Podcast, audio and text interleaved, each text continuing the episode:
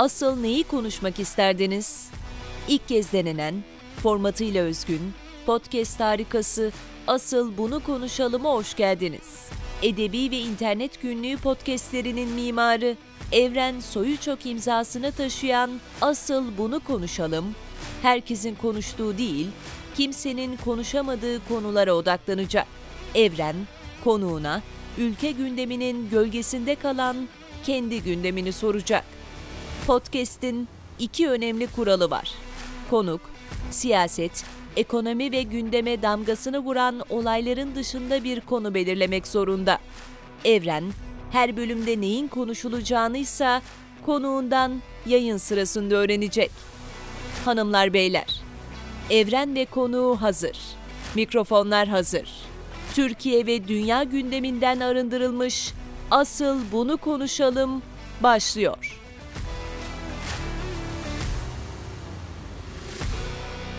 İlhamını evrenden, içeriğini konuktan, enerjisini sizden alan Asıl Bunu Konuşalım'ın yeni bölümüne hoş geldiniz. Karşımda Nurgül Demirbay var. Kendisi tarih öğretmeni ama benim ilk tenis öğretmenim 41 yaşında tenise başladım kendisi sayesinde. Yolumuz nerede? Sporcular Parkı'nda evet, kesişmişti. Evet, İyi ki de kesişti Parkı'nda. ve sonra da çok uzun soluklu bir tenis eğitimine başladık kendisiyle. Ben hemen böyle hızlıca özetleyeceğim çünkü siz eski bir gazetecisiniz değil mi? Hürriyet gazetesinde çalıştınız. Sonra evet. tarih bölümünü okudunuz. Tarih öğretmeni oldunuz. Hı-hı. Basketbol oynamışsınız. Evet. Koyu bir Beşiktaş taraftarsınız ve aynı zamanda ilçe olarak Beşiktaş'ın da değil mi sevdalısınız evet. ve evet. motor tutkunsuz bir sürü şeyiniz var hocam. Buyurun.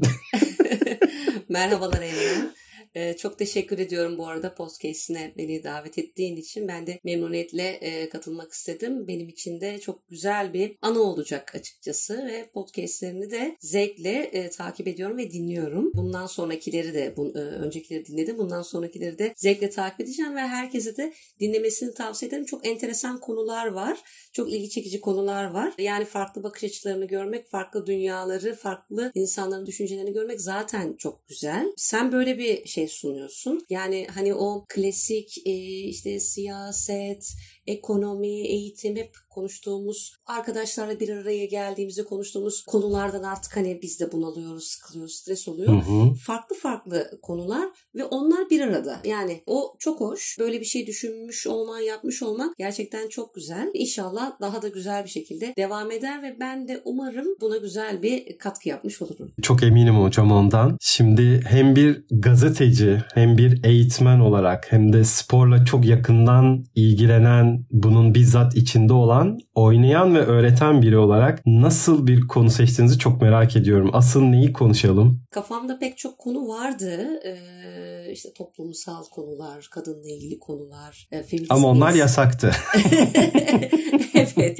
Feminist bir insanım. Kadınlar üzerine bir şeyler de konuşmayı düşündüm. Ama en son karar vermem şöyle oldu. Geçen işte İbn Haldun üzerinden bir kitap okuyordum. Hmm. O beni e, bu yöne itti. İbn Haldun'un çok hani meşhur bir sözü vardır ya herkesin bildiği. Coğrafya kaderindir. Ah evet. Ben biraz onun üzerinden gitmek istiyorum. Coğrafya kaderindir üzerinden gitmek istiyorum. Asıl bunu hı hı. konuşalım istiyorum. Hı hı. Ama hani bu coğrafya kaderindir sadece Türkiye'de doğmuşsun, Avrupa'da doğmuşsun, Afrika'da doğmuşsun. Ona göre bir sosyokültürel hayatın var. Belki fakir bir aile, belki zengin bir aile doğmuşsun olarak değil sadece. O coğrafyanın sana verdiği şeyler. Yani fiziki olarak verdiği şeyler. Ben çünkü çok etkileniyorum coğrafyadan. Hem sosyokültürel açıdan hem de aynı zamanda ikliminden. Hı hı. Hele ki kış dönemi dönemini yaşadığımız şu dönemde mesela. E, bir onlardan bahsetmek istiyorum. Çocukluğumdan mesela biri mesela ben e, yağmura karşı çok şeyim yoktur. Sevgim diyeyim antipatim e, çok fazla yok. Neden? Hmm. E, çünkü çocuksun ve oyun oynamak istersin. Yağmur olduğunda oynayamazsın. Hı Evde kalmak durumunda kalırsın. O çocukluğumdan bana bir yerleşmiş. Ve onun dışında tabii hareketli bir yapımda olduğu için dışarılarda olma isteğim her zaman e, vardı. Bu yüzden sporu tercih ettim belki. Bu yüzden motoru tercih ettim. Gördüm ki ki kendimi bazen şey gibi hissediyorum. Güneş enerjisiyle çalışan solar gibi hissediyorum. Müthiş yani bir benzetme. güneş varsa o zaman çok daha pozitif oluyorum. Yani yaşam enerjim yükseliyor. Mesela ara ara bununla ilgili yani coğrafyayla ilgili insanların söylediği şeyleri hemen kulak kesiliyorum. Ve hı hı. insanlar belki bunun çok farkında değiller ama bu onları çok fazla etkiliyor. İşte yıllar önce bir İspanyol futbolcu İngiltere'ye Premier Lig'e transfer olmuştu. İspanya'da çok önemli bir lig tabii ki ama sonuç itibariyle İngiltere tabii çok daha farklı. Hocam onu da mı takip ediyorsunuz?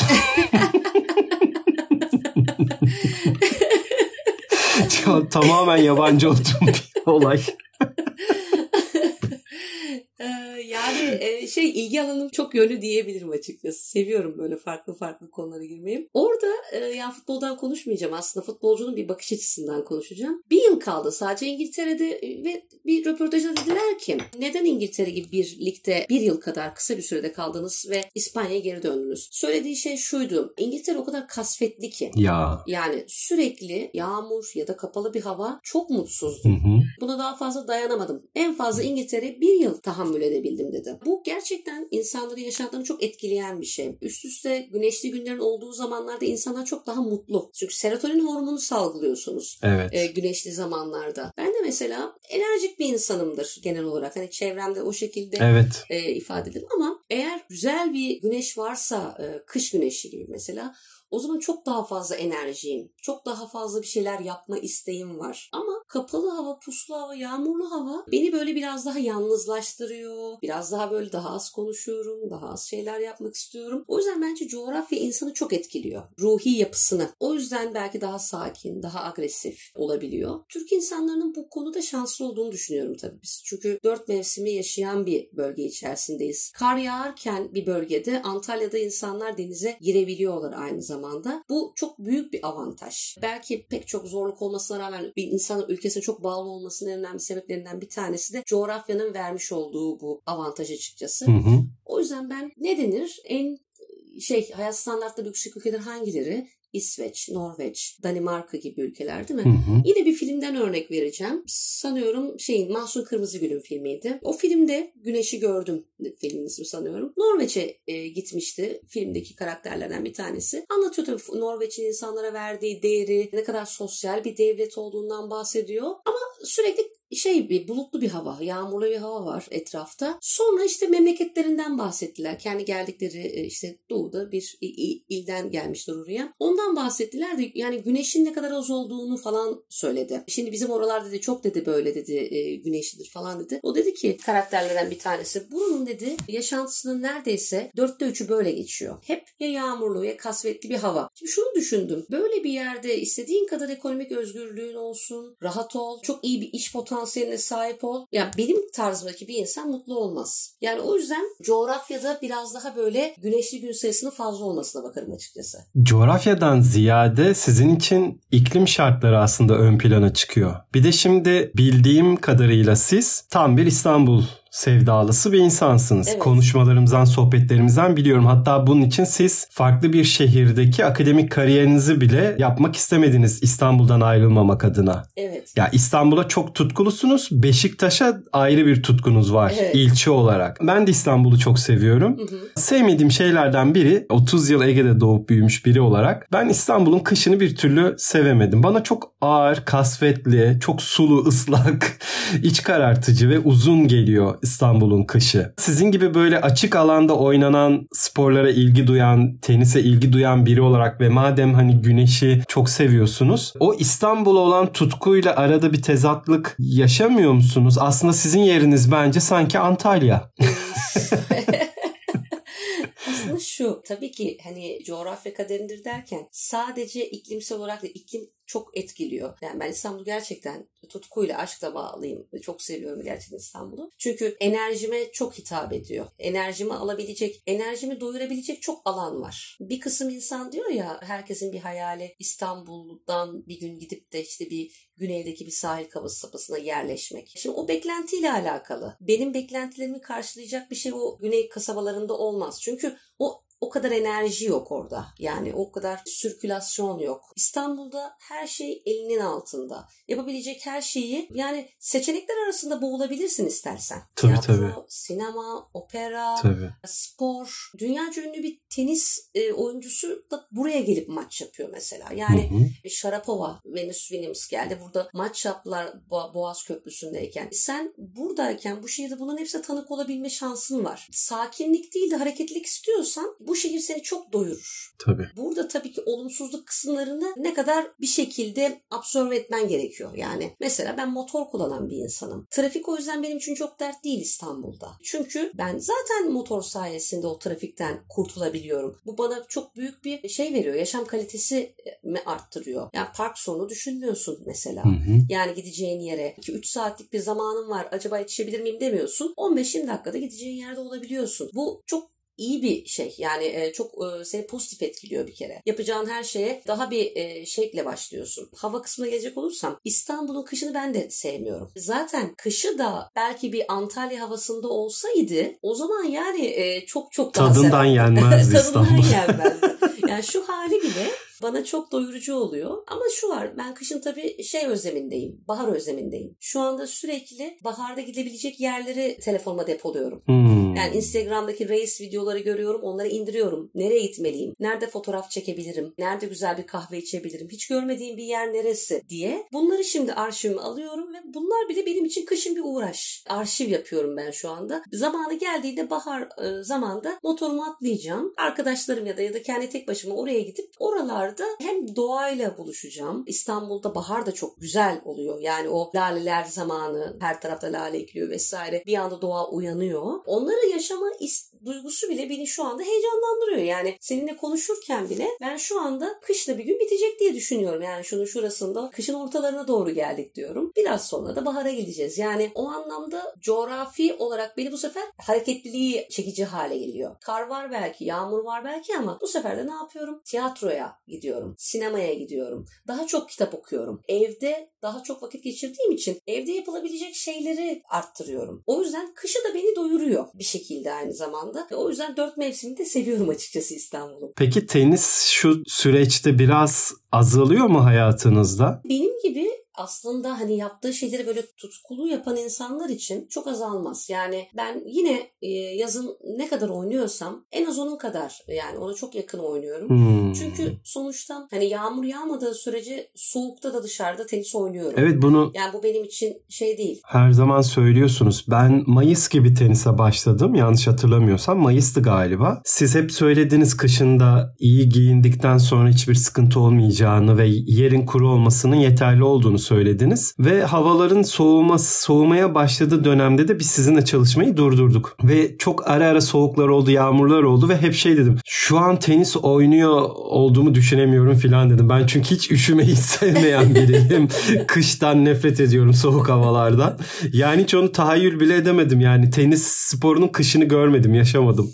Ya şöyle ben de kışı ve soğuğu sevmem ama soğuğa karşı dirençli bir insanım. Hmm. Yani sevmiyorum ama direncim var. Burada sevdiklerim arasında tercih yapıyorum. Yani evde sıcakta oturmak mı, soğukta tenis oynamak mı? Tabii ki soğukta tenis oynamak diyorum. Yani o daha baskın geldiği için, tenis sevgim çok fazla olduğu için Hı hı. onun soğuğu da çok fazla beni etkilemiyor. Çünkü zaten sonuçta spor yaptığın için vücudun ısınacak. E, ilk 10 dakikasında üşüyeceksin belki ama ondan sonra bir anda vücudun e, hemen o e, şeye alıştıracak seni kendine. O yüzden kapalı spor salonları da var. Orada da oynuyoruz aynı zamanda. Tenisin öyle bir şeyi yok. Hani yazın oynuyoruz da kışın onu kış uykusuna bırakıyoruz gibi bir durum söz konusu değil. Belki yapanlar vardır ama benim çevremde gördüğüm pek çok insan kışında tenise devam ediyor. Çünkü onlar da bu tutkuyu hissediyorlar. Tabii ki profesyoneller için öyledir. Ben benim gibi amatör ve çok böyle işte canının kıymetini bilen insanlar için muhtemelen şey e, zor geliyordur yani öyle düşünüyorum bakış açısı. Coğrafya kaderdir olayında tamamen genel olarak düşündüğümüzde iklimi çıkardığımız zaman Hı hı.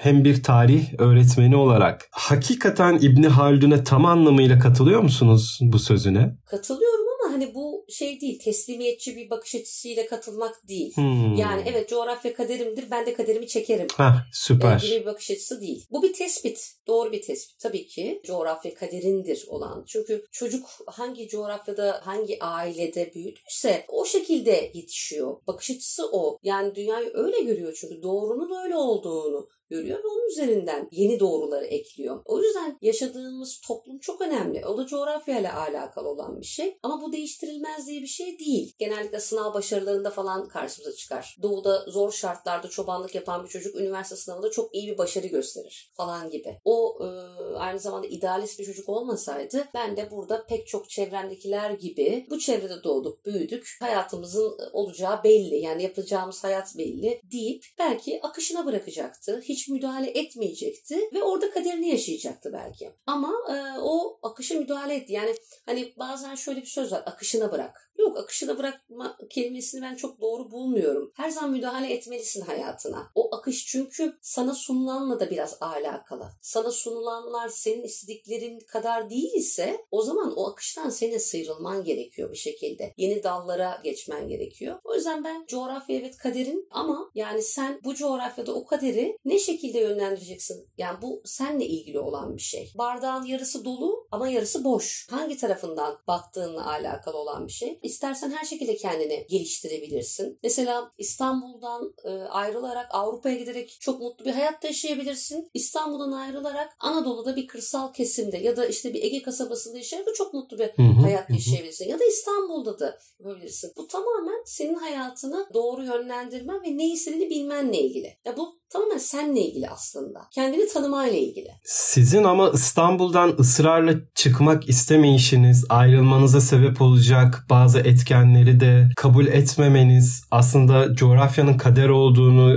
gerçekten kabul ettiğiniz anlamına gelmiyor mu? Çünkü o sizi korkuttu. Şu anki yaşantınızı orada devam ettiremeyeceğinizi düşündünüz. Çünkü sizin bir felsefeniz var, bir vizyonunuz var. Girişte birçok şey saydım sizinle ilgili. Hakikaten bence orijinal bir profil değilsiniz. Türkiye'de bir kadın olarak çok güzel şeylerle uğraşıyorsunuz. Yani sizdeki bu birleşen bu şeyler çoğu insanda yok. Çok sıra dışısınız benim açımdan. Onu demek istedim. Hani siz yüksek sans mı doktora bir şey yapacaktınız farklı bir şehirde ve evet, İstanbul'dan evet. ayrılma endişesi, korkusu sizin onu kabul etmemenize sebep oldu. Bu da aslında coğrafyanın kader olduğunu baştan kabul etmeniz anlamına gelmiyor mu? O açıdan yani da baktığımızda. Şöyle coğrafya kaderindir kısmı bu şu değil. Hani benim elimde olanaklar bu kadar. Coğrafya bana bu imkanları veriyor. Türkiye şartlarında ben ancak bunu yapabilirim deyip ufkunu açmamak. Ama ben zaten bulunduğum ortamda yapmak istediklerimin hepsini yapıyorum. Daha farklı bir coğrafyada ya da yaşadığım yerde mutlu olmasaydım İstanbul'da yaşayıp da İstanbul'dan mutlu olmayan, hep Ege özleminde olan, sahil kasabası özleminde bir insan olsaydım ama bunu yapamasaydım belki bu benim için coğrafya kaderindir. Hani orada yaşıyorum yaşıyorum, büyüyorum. Bütün kazancım orada. Riske atmak istemiyorum. Ama zaten ben şu anda bulunduğum alanda zaten şeyim hani riske atılacak bir şey isteğim yok. Çünkü zaten burada mutluyum. Bu mutsuz olan insanlar için belki biraz geçerli. Hani o bulunduğu coğrafyadan memnun değil. Ama bulunduğun coğrafyadan memnunsan aslında bu iyi bir kader senin için. Ben iyi bir kader yaşadığımı düşünüyorum. Belki de bu benim olanı kendime özümsememle alakalı. Onu bilemem. Belki de Avrupa'ya gitsem orada bir ülkede yaşasam belki çok daha mutlu da olur bileceğim. Çünkü orada da başka şeylerden mutlu olma üzerinden bir şeyler göreceğim. Bu biraz kendini tanımayla aslında alakalı bir şey. Yoksa ben de bilirim İstanbul'daki trafik sorunundan dert yanmayı, şehrin kalabalıklığını. Bu, bunlar beni de rahatsız eder ama bunları görmezlikten gelip farklı şeylere fokus yapmak, oraya odaklanmak da benim elimde. Kesinlikle. Yani ben programlıyorum e, her şeyi. Mental hani Kesinlikle. hani teniste de çok önemlidir ya mental şey. Orada ben mental olarak açıkçası hayatımı iyi yönettiğimi düşünüyorum. O yüzden de bu benim yaşadığım kader zaten benim için olması gereken diye düşünüyorum. Ama senin daha önceki bir podcast'te ki konudaki gibi hani hep zaten hani Konya'ya gitme e, yani farklı bir yere gitme isteği varmış. E, gidemediyse onun için kötü. Hmm. kaderini yaşamak için bırakmış akışına. Akışına müdahale ettiği an yeni bir hayat yaşamış. Ama benim akışım bence güzel. Hani çünkü akışın sonundaki yol benim için ışık gösteren bir yol. Beni mutlu eden bir yol. O yüzden insan bulunduğu ortamdan memnunsa zaten neden coğrafyasını değiştirsin ki? Hani memnun değilse belki değiştirme gereği hisseder diye düşünüyorum. Yani İstanbul'un imkanlarını düşündüğümüz zaman tabii ki birçok Anadolu şehrinde olmayan imkanlara sahibiz. Bütün bu imkanlara rağmen ben oturup da işte, coğrafya kaderdir İstanbul gibi hengameli, kalabalık, yorucu, pahalı bir yerde yaşıyorum. Onu yapmayacağım, bunu yapamayacağım. İşte buna engel oluyor vesaire diye düşünürsem tabii ki dediğiniz gibi kaderci bir bakış açısı olur ve coğrafya kaderdir. Ben de kendimi anca bu kadar geliştirebiliyorum derim. Tabii ki bunun yanlış olduğunu biliyorum. Aydın'da yaşamaya devam etseydim belki orada hayıflanacaktım coğrafya kaderdir. Aydın çok kısır bir şehir. İşte iş imkanı yok, kültür sanat yok. Kendimi geliştiremiyorum diye. O yüzden belki nefes almak için İzmir'e ikide bir gidip gelecektim. O kaderi delme anlamında. Ama insan yine kendi o kaderini ya da o çemberini kendisi çiziyor galiba. Ne kadar genişletmek o çemberi insanın biraz da kendi elinde. Bir de sosyokültürel açıdan da mesela İstanbul gibi bir bölgede yaşadığınız zaman farklı bir sosyokültürün içerisindesiniz. Çevrenizdeki insanlar derler ya siz çevrenizdeki en yakın 5 kişinin ortalamasısınız. Çok inanıyorum ona. Tabii ki bu çok önemli bir şey. Çevrenizde sürekli size pozitif enerji veren bir arkadaşınız varsa ondan etkilenmemeniz onun bakış açısını, onun pozisyonu etkilenmemesinin imkanı yok. Evet. Ya da sürekli olumsuzluklardan bahseden insan için de aynı şey geçerli. O da seni kasvetli bir havaya sokabiliyor. Doğru. Farkında olmadan sen de bir e, o moda geçebiliyorsun. Şimdi yakın çevrendeki 5 insan diyorsun. Yaşadığın şehirde yakın çevrenin dışındaki çevren de çok fazla Tabii. etkileşim halinde oluyorsun. Hiç tanımadığın insanlara sabah karşılaştığında işe giderken merhaba diyebilecek bir ortamda yaşamak da var. Sadece arabayla geçerken yol vermeden dolayı birbirlerine şiddet uygulayacak insanın yaşadığı bir yerde de evet. yaşamak şansın var. Ve onlar seni etkiliyor tabii ki çevrenden. Etkileniyorsun. Şimdi İstanbul tabii açıkçası her bölgesi farklı. Yani her ilçesi ayrı bir dünya. Gerçi onda da senin seçme hakkın var. Sen bir semtte yaşayabilirsin ama pekala kahveni de modada içebiliyorsun yani. İlla orada da oturmak gerekmiyor fiili anlamda. Her yere gidilebilecek imkanın var. O çok önemli bir şey İstanbul'da. O yüzden o sosyokültürel çevre de çok önemli. Kitap okuyan insanlarla bir araya gelip onlarla bir etkileşime girebiliyorsun. Böyle ortamlar var çünkü. Kütüphanede insanlarla tanışabiliyorsun, sohbet edebiliyorsun. Tenis ten kaynaklı olarak bir çevre var. Burada bir sosyokültürel çevrenin içerisine giriyorsun. Hayvanını dolaştırdığın zaman ki İstanbul'da çok fazla hayvansever var. Tabii nüfustan da kaynaklı olarak. Bir anda bir bakıyorsun bir hayvansever bir arkadaş kitlesine sahip olmuşsun aynı zamanda. Evet. Yani İstanbul sana çok farklı seçenekler verdiği gibi o seçeneklerden kaynaklı senin seçtiğin bir sosyokültürel çevre de veriyor. Hı hı. Sen onların içerisine girip kanalize olabiliyorsun. Bu seninle alakalı bir şey. Evet. Yani sen kendini de kapatabilirsin. Hı hı. Onların içine girmek istemeyebilirsin. Kendi küçük dünyanda yaşarsın. Hı hı. Ee, Daha bireyselsindir. Ama kimisi daha çok sosyaldir. Daha fazla paylaşım yapmayı sever. Yani İstanbul bu anlamda sana bir dünya seçenek veriyor. İzmir, Ankara bunlar çok büyük şehirler. Hı hı. Ee, ama bunların hiçbiri İstanbul'un o imkanlarına sahip değil açıkçası. O geniş yelpazeye, o çeşitliliğe sahip olmayabilir. Çünkü 18-20 milyon insanın yaşadığı ve birçok ülkeden bile fazla nüfusa sahip bir yerdeyiz. Her türlü insan var ama genelde kavgacı, gergin, sürekli sorun çıkartan insanlar varmış gibi özellikle trafikte veya kalabalığın yoğun olduğu yerlerde İstanbul'la ilgili öyle bir algı vardır. Ama ben çok seviyorum İstanbulluları. Yani İstanbullularla vakit geçirmeyi genel olarak ben bunu zaten tanımlıyorum. Tabii ki burada işte Sivaslı, Diyarbakırlı, Anadolu'nun farklı şehirden insanlar var. İstanbulluyu arada bulasın hani köken olarak, kökten. Ama burada bu şehrin sınırları içerisinde hangi ilçede yaşarsa yaşasın, Anadolu yakasında ya da Avrupa yakasında. Zannediyorum Yahya Kemal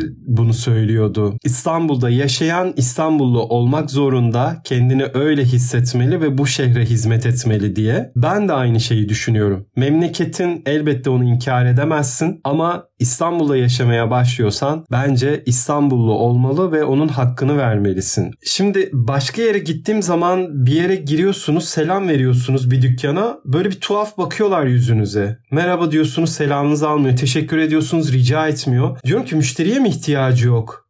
Ya da hani rahatsız mı ettim acaba? Ama İstanbul'da insanlar çok hoş sohbet. Esnaf öyle. Herkes birbirine yardım etmeye çalışıyor. Ben bu şehrin insanını seviyorum ve çok mutluyum. Metroda veya bir işte tenis kortunda, bir parkta o insanlarla temas ediyor olmaktan, sohbet ediyor olmaktan, sözlü bile olmasa farklı bir şekilde iletişim halinde oluyor olmaktan. Çünkü herkesten bir şey öğreniyorum burada. Medeniyet, kültür çok hoşuma gidiyor. Ben çok seviyorum İstanbulluyu. Şu söylediğin şey çok hoşuma gitti. Yani bir değer katmak. Yani İstanbul İstanbul'daysam evet. ben ona evet, bir değer katlarım. Evet. Keşke herkes bu şekilde düşünse. Tabii ee, yani aksi de mümkün zaten.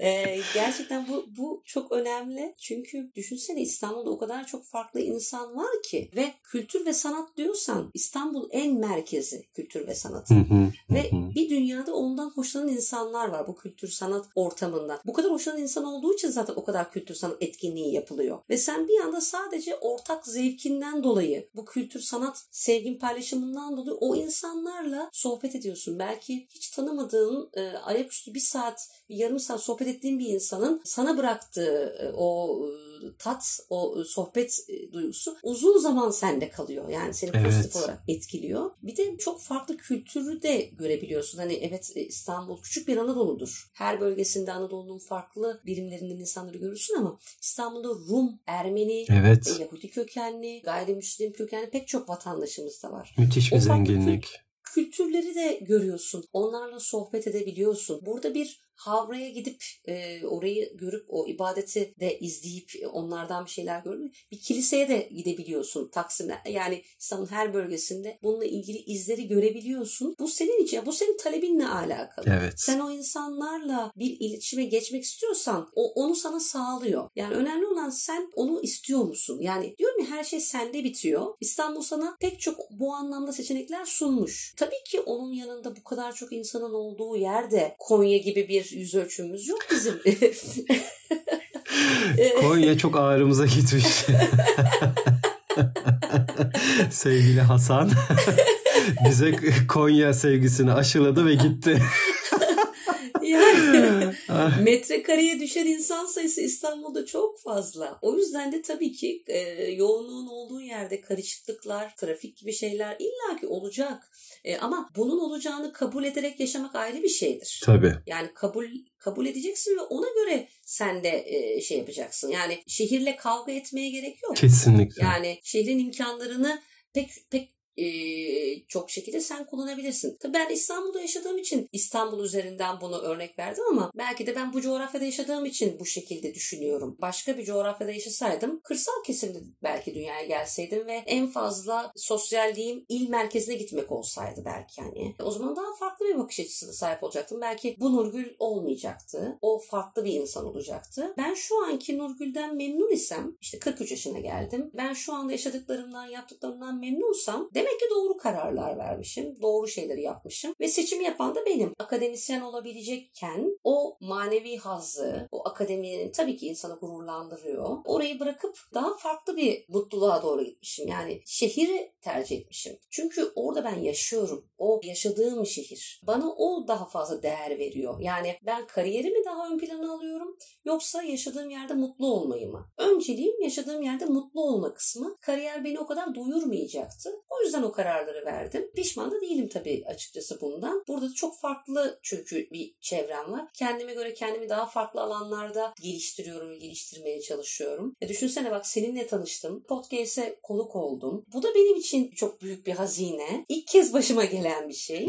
İlk deneyimim. Bunların hepsi bundan kaynaklı olarak bana geldi. O yüzden Tabii. ben coğrafyamdan memnun olan kısımlardan bir tanesiyim. Şanslı azınlık belki nitelendirilebilir. Ama bu insan hayatını o kadar olumlu etkiliyor ki yaşadığın coğrafyadan memnun olmak. Evet. İklimi ve çevresindeki insanlardan memnun olmak. Bu beni daha pozitif yapıyor, daha mutlu yapıyor. Ben de o mutluluğu bana veren insanlardan başkalarına yansıtmaya çalışıyorum. E sen de mesela şimdi değil mi kendinde yaşadığın o şeyi bir üretme isteğini diğer insanlara evet. aktarıyorsun. Yani bana onu o enerjiyi veriyorsun. Senin gibi daha farklı alanda daha farklı şeyler yapanlar var. Keşke hep böyle farklı alanlarda kendisini geliştiren, bana da bir şeyler katabilecek çok farklı insanlarla daha çok tanışabilsem. Evet. Ya bu çok büyük bir zenginlik. Yani Kesinlikle. benim seni tanışmam, şu anda bunu yapmamız falan. Bunlar çok büyük bir zenginlik. Hayat geçip gidiyor. Hep diyoruz ya e, nasıl geldik Hı hı. 40'lı yaşlara. Hı hı. Ama hani önemli olan nasıl geldiğin kısmı. Nicelik ve nitelik kısmı. Kesinlikle. Sen orada doyurarak geldiğini düşünüyor isen keşkeler pek çok insanın hayatında keşkeler illaki olacaktır. Keşkelerin azsa bulunduğun yerden, ortamdan ve bu yaşına gelmiş olmaktan mutlu isen keşke şu yaşta olma olsaydı mı demiyorsan o zamanın mutluluğu ayrıydı ama ben şu anda da çok mutluyum diyebiliyorsan o zaman sen hayatını dolu dolu yaşamışsın demektir. İster 40 ol, istersen 50, istersen 20 ol. Ben her zaman buna bakıyorum. Yani nicelik ve niteliğe bakıyorum. O yüzden zamanım kısaysa bile onu hep yapabileceğimin en iyisini yaparak yapmaya çalışıyorum. Bu önce beni tatmin ediyor, beni çok mutlu ediyor. Beni mutlu ettiği için de ben çevreme onu yansıtmaya çalışıyorum. Ve böylece ne oluyor? Benim çevremde benim enerjimden, mutluluğumdan etkilenen, onları bana yansıtan daha pozitif bir çevre oluyor. O beş kişi de belki onun bir yansıması. Ya, ya hayatta her şey bizim yansımamız. Bizden kay öz biziz. Biz onu yansıtıyoruz. Stresliysek, gerginsek onu o şekilde yansıtıyoruz. Mutluysak daha farklı yansıtıyoruz. O açıdan bunu da ben coğrafyaya bağlıyorum. Yani açıkçası. Bu coğrafya bana bunu kazandırdı diye düşünüyorum. İçinde bulunduğumuz durumun olumsuzluklarından hayıflanmaktansa, işte eksikliklere odaklanmaktansa insan kendisi şartları değiştirmeye çalışmalı, kendisi değer katmaya çalışmalı ve sadece kendisi için yaşamamalı. Evet altını çiziyorum kendisinden de vazgeçmemeli tabii ki başkaları için ama insan hep kendine yaşamamalı bence. Kitap yazarak başkalarına da dokunabilmeli, müzik yaparak, beste yaparak ya da bildiği bir şeyi başkalarına öğreterek paylaşım içerisinde olmalı ve başkalarının hayatına da dokunabilmeli. Ben hep buna inanıyorum. Bu içerik üreterek de olabilir, öğretmenlik yaparak da olabilir, öğrencilerin hayatını değiştirerek veya bir yazar veya bir radyo programcısı olarak da insanlar tercihlerini yaşıyorlar. Siz çok güzel bir tercihte bulundunuz ve birçok insanın hayatına değer katmaya devam ediyorsunuz. Hem dersine girdiğiniz öğrencileriniz çok şanslı. Tenisi sadece kendiniz için öğrenmiyorsunuz. Bunu gerçekten canla başla öğreten de birisiniz. Bunu bizzat deneyimleyen biriyim ve benim için çok büyük bir şans yolumun sizinle o parkta kesişmiş olması ve sizden ben arkadaşlarıma bahsederken çok büyük bir gururla bahsediyorum. ya girdiniz bir de her maçı almanız, şampiyon olmanız da apayrı bir olay zaten. hani sizin gibi birinden ders alıyorum, tenis öğreniyorum filan ve çok verimli sohbetlerimiz oluyor. Yani yazmaktan, yaratıcı yazarlıktan bahsediyoruz sizinle.